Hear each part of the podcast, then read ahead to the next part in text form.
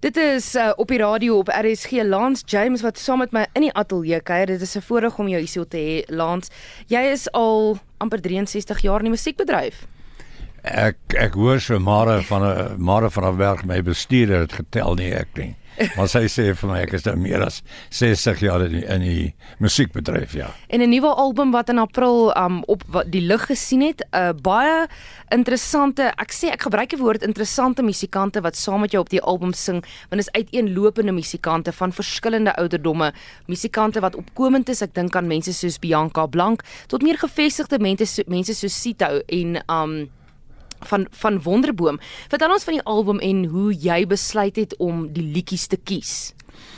Dit is 'n interessante storie, Christel, want dit is eintlik meer as 10 jaar oud toe die een regisseur Benji Moody my genader het om hierdie CD op te neem en ek het uh, oorspronklik geweier om dit te doen want die die dit was ek het gedog te groote verskeidenheid en ek was nie seker of ek reg is vir so 'n ding. Ek dink dis die regte woord dat ek reg is vir so 'n opname. En die jare het verbygegaan, maar elke nou en dan het hy my herinner dat hy graag so CD wil opneem met hierdie soort liedjies.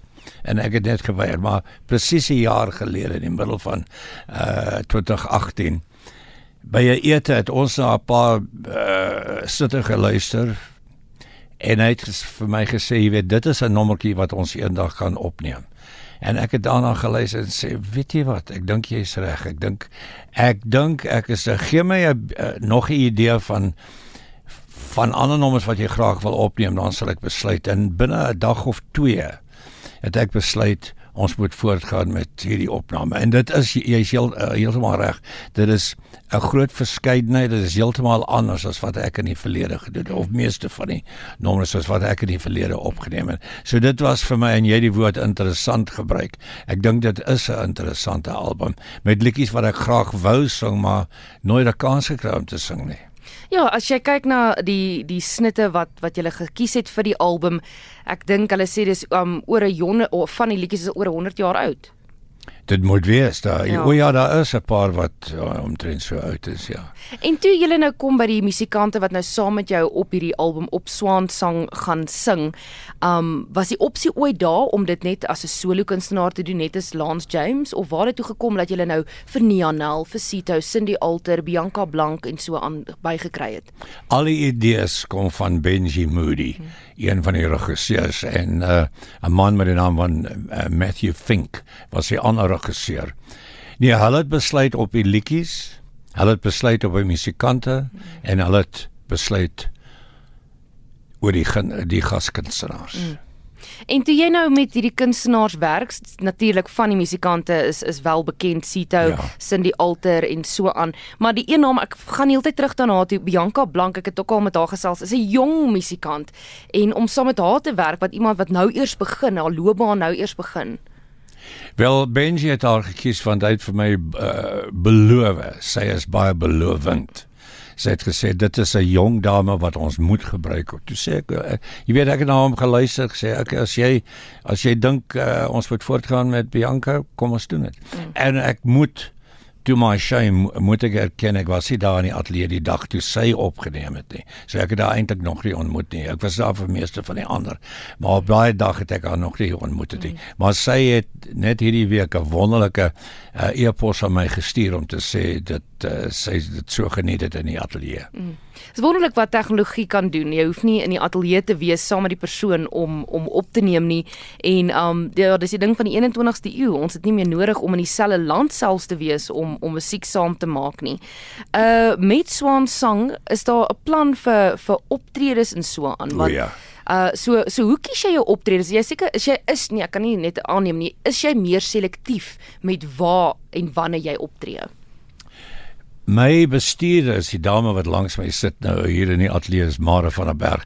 Sy doen al my besprekings en sy kies waar ons gaan opneem, waar ons nie gaan opneem nie. Ehm uh, maar meeste van die plekke wat uh, of die oproepe wat ons ontvang vir optredes aanvaar ons meeste van hulle. Dit is nie om te sê dat ons alles gaan opneem nie, is nie moontlik nie.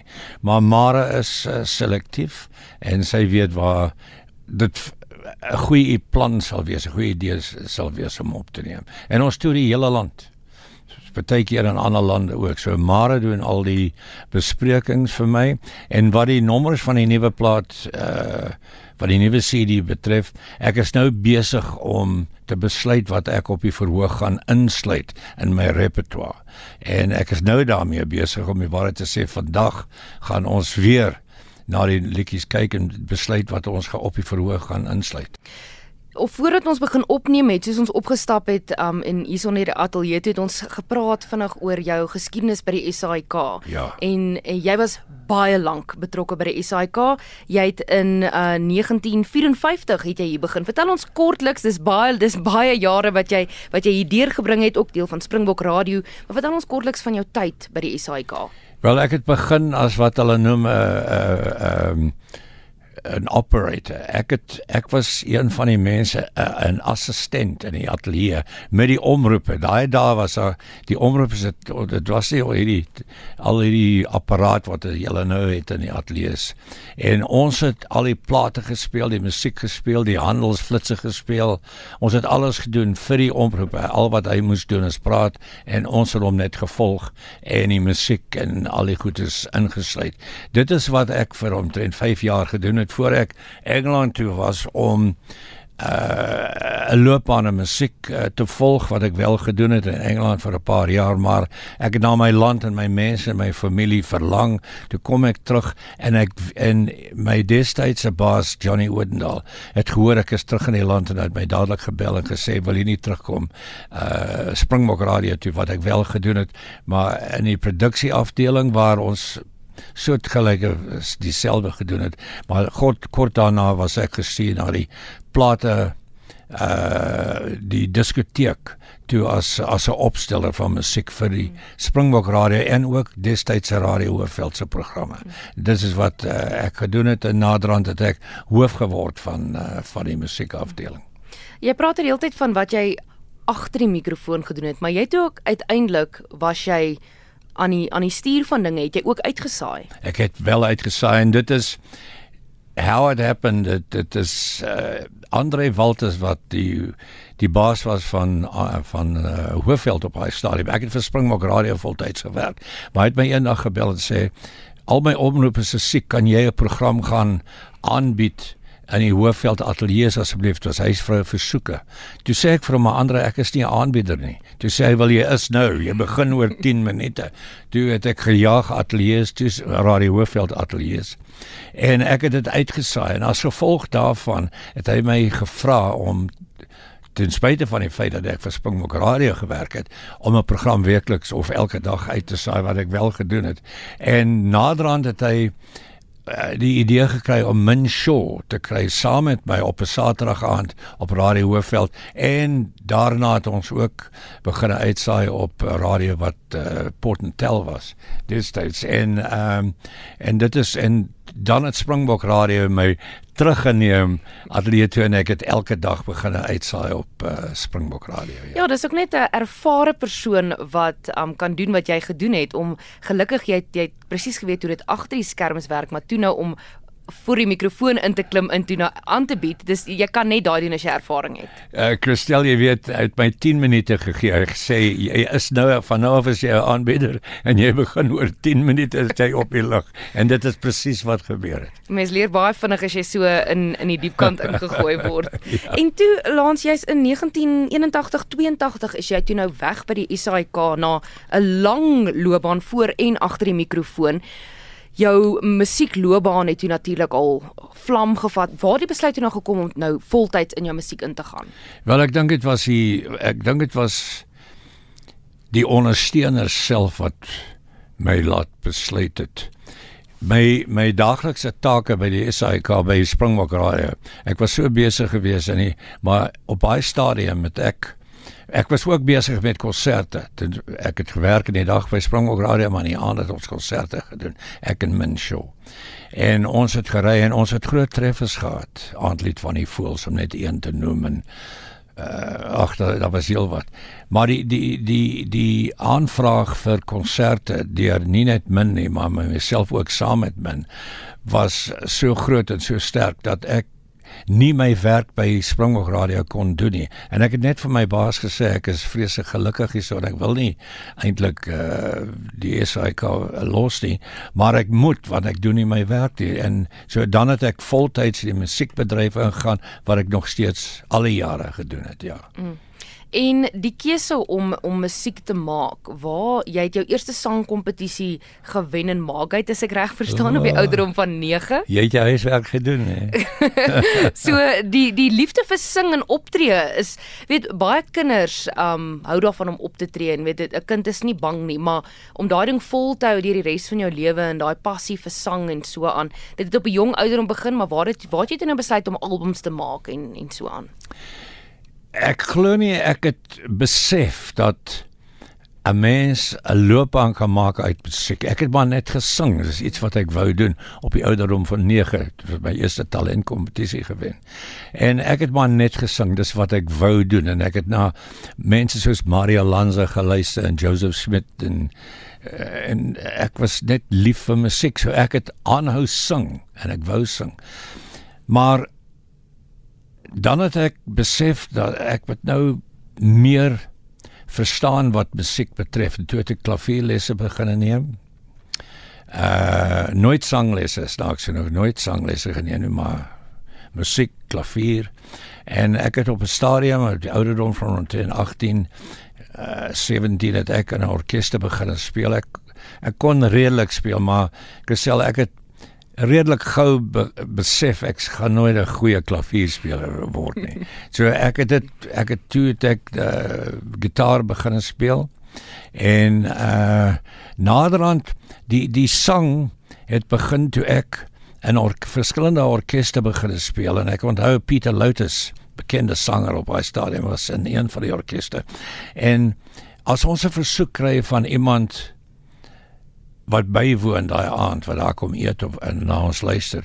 En kry versoek vir 'n sekere lied wat hy nie ken nie of Bobby Angel was ook saam in ons orkes wat hy ken nie. En ek het net vir hulle gesê man ek het ek dink ek ken daai lied. Laat ek hom probeer. En dit is eintlik hoe die sang begin het. Hoe my sang loopbaan begin het.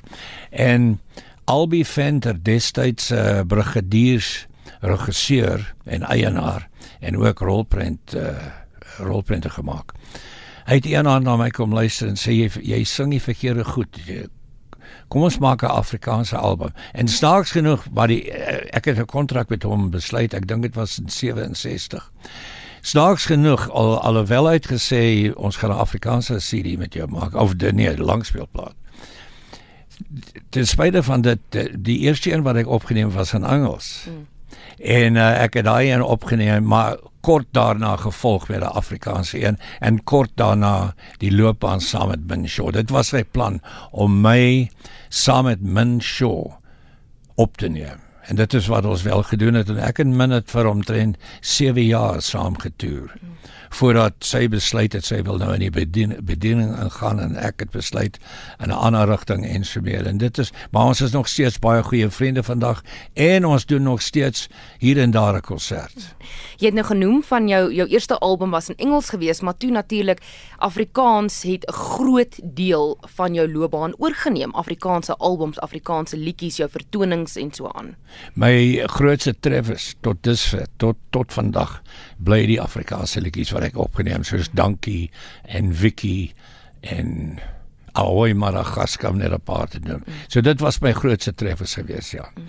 En tog die laaste album is net Engels. Al is dit nou net covers. Dit dit is dit is hoe dit uitgewerk het. Daar was nie 'n doel nie. Hy hy het nie gesê ons gaan net 'n Engelse een opneem nie. Hy dit dit toevallig die nommers wat hy gekies het as Engels. Maar ek is seker ons sal dit opvolg met uh dit kyk die titel is Swan Song. Dit beteken die einde. Maar dit is nie noodwendig so nie. ons sal maar net sien. We'll as I say uh, watch uh, watch the space. Ons sal sien. Jy het nou vertel van jou verhouding en jou professionele verhouding ook met Minshaw oor die jare. As jy kyk na jou loopbaan, waar dit begin het in die orkeste en toe jy nou solo loopbaan um begin het, die musikante na wie jy opgekyk het. Wie was hulle? Ou praat jy van Suid-Afrikaanse ja, kunstenaars? Ja. Oor daar was baie um, Dan Hill, Sam Sklee.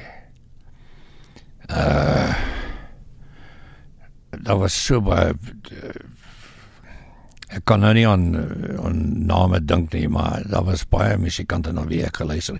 Jy weet wat ek gedoen het? Ek het na plekke toe gegaan toe ek nog te jonk was om te speel, maar ek wou in die musiekbedryf beland iewers ek weet nie hoe nie. Maar ek het selfs vir die sê nou byvoorbeeld die drumspeler gevra of ek sy tromme gaan dra, kan help dra binne in die saal in 'n na die vertoning en daar toe het ek by sy voete gesit vir die hele of by die orkes die hele aand om na hulle te luister. Ek was seker 14 of 15 jaar oud en toe het ek hulle gehelp om die apparaat weer in die in die busie te gaan laai. Ek wou net deel wees van hierdie musiekwêreld. Ek wou net ek het geweet iewers is daar 'n plek vir my. En die liefde vir country musiek dit het gebeur as ek nou terugdink uh, gestel aan die nommers waarna ek geluister het en die kunstenaars het ek baie van country musiek gehou van kleins af maar ook ernstige musiek alles. Maar ek het my eerste besoek aan Amerika in 1975 gemaak. En ek het uh, in Los Angeles en New York en groot plekke maar ek het ook paar weke deurgebring in Nashville en ek het daar hierdie klanke gaan luister hierdie musikante en ek het besef wow nou hoor ek iets vir die eerste keer. Wonderlik.